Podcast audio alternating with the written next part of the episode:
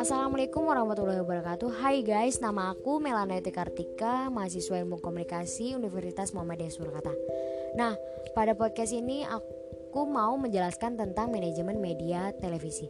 Yang aku review dari buku manajemen media massa yang ditulis oleh Fajar Yunedi atau biasa disapa Mas Jun. Langsung aja yuk ke pembahasannya ya untuk yang pertama ini nih, perkembangan penyiaran di Indonesia yang mengalami kelonjakan pesat setelah adanya reformasi tahun 1998. Di masa Orde Baru, berganti dengan sistem politik yang lebih demokratis, Undang-Undang Nomor 32 Tahun 2002 tentang penyiaran bisa dilihat sebagai tonggak perubahan kebijakan di langit penyiaran Indonesia. Undang-undang tersebut menjadi angin segar bagi format baru perkembangan televisi di Indonesia.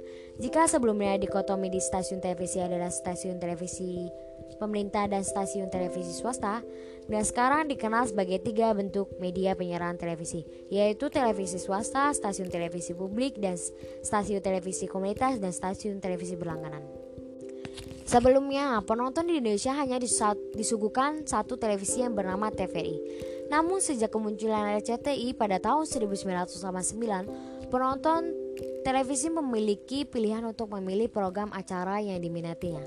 Kemudian diikuti beberapa stasiun televisi yang lainnya seperti SCTV, ANTV, Indosiar, dan TPI.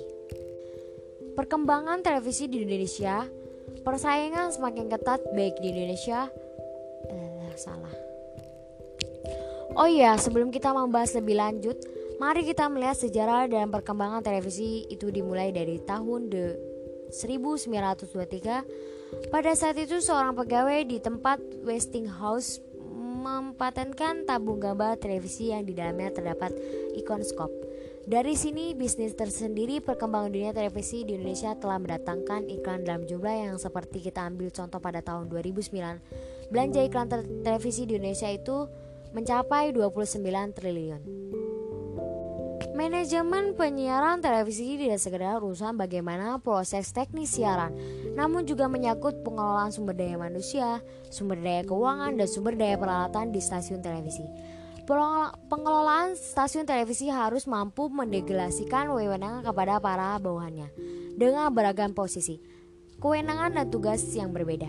Pembagian ini didasarkan pada kebutuhan, lingkungan, dan sumber daya yang ada di stasiun televisi tersebut. Berdasarkan pembagian tersebut dibuatlah struktur manajemen stasiun televisi sehingga antar stasiun televisi memiliki struktur yang tidak sama. Semakin berkembangnya zaman, penerapan teknologi, teknologi digital dalam ranah penyiaran televisi di Indonesia itu semakin berkembang. Era televisi digital akan menambah menambah kecanggihan layar televisi dengan sajian program yang semakin beragam. Televisi akan menjadi magnet bagi kalian yang memiliki daya tarik yang kuat. Polesa teknologi digital yang akan menambah kualitas gambar dan suara di pesawat televisi. Televisi digital memudahkan dan memanjakan penonton di rumah, stasiun televisi, rumah produksi, dan juga pemerintah. Penonton akan dimanja dengan beragam fasilitas yang belum pernah ada dalam teknologi analog yang belum pernah dinikmati sebelumnya.